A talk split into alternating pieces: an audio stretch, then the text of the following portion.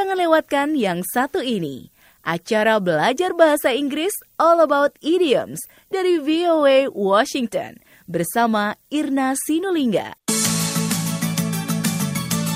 Halo dan apa kabar semua sobat VOA? Di sini saya bersama Jonathan Evans. Welcome, friends, to All About Idioms. Acara ini khusus membahas idiom bahasa Inggris yang umum dalam tulisan dan percakapan orang Amerika sehari-hari. Idiom adalah sekumpulan kata yang punya arti tersendiri, jadi tidak bisa diterjemahkan secara harfiah.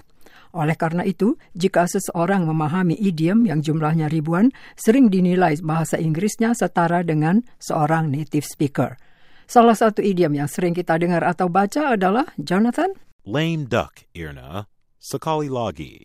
Lame duck. Artinya pejabat terpilih, misalnya presiden, gubernur, atau wali kota yang kalah dalam kampanyenya untuk terpilih kembali. Tetapi masa jabatannya belum secara resmi berakhir hingga pemenang dalam kampanye pemilu itu dilantik. Tetapi tentu saja pejabat yang tinggal beberapa minggu lagi habis masa jabatannya secara otomatis hampir tak punya wewenang lagi.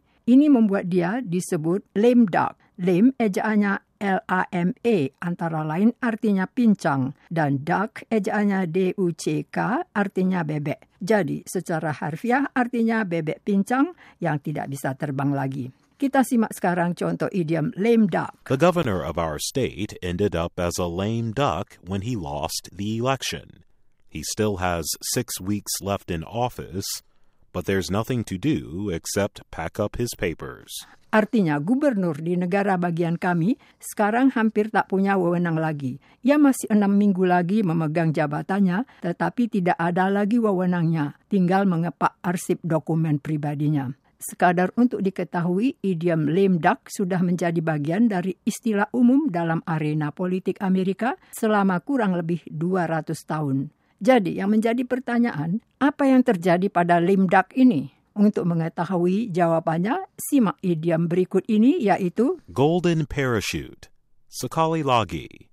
Golden parachute. Secara harfiah artinya parasut emas atau pesangon emas.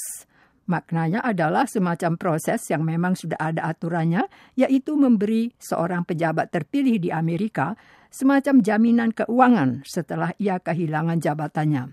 Misalnya, bagi seorang presiden Amerika, ia akan mendapat pensiun seumur hidup dan sesuai dengan undang-undang akan memperoleh pengawalan Secret Service seumur hidup dan dana untuk mempunyai kantor pribadi berikut berbagai keperluan kantor seperti pegawai dan sebagainya. Sebagian lame duck ini nanti akan menjadi CEO perusahaan atau bergabung dengan kantor pengacara. Lainnya akan menjadi pelobi untuk bisnis, serikat buruh atau organisasi lain dan berupaya mempengaruhi mantan rekan-rekan di pemerintahan.